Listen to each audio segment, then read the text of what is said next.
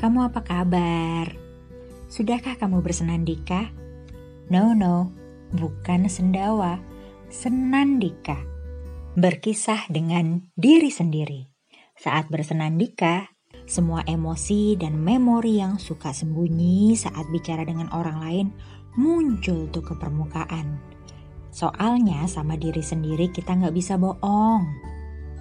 Senandika yang direkam dan didengarkan kembali akan membantu kita mengenal diri sendiri, menikmati rasa yang muncul, sehingga kita mampu belajar maknanya.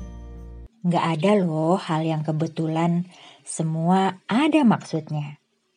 Podcast sama Manda mengajak bersenandika tentang kisah pertama yang muncul di kepala tentang relasi manusia.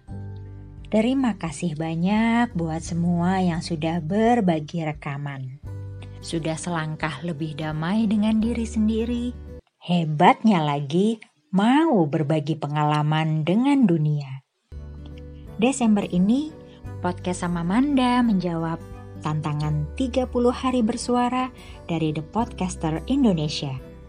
30 hari tanpa jeda, menyajikan 30 kisah berbeda, mengurai puluhan rasa menjadi jutaan makna.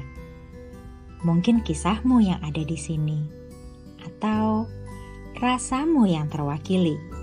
Ayo di follow Instagramnya Bandari Alamanda dan juga thepodcaster.id.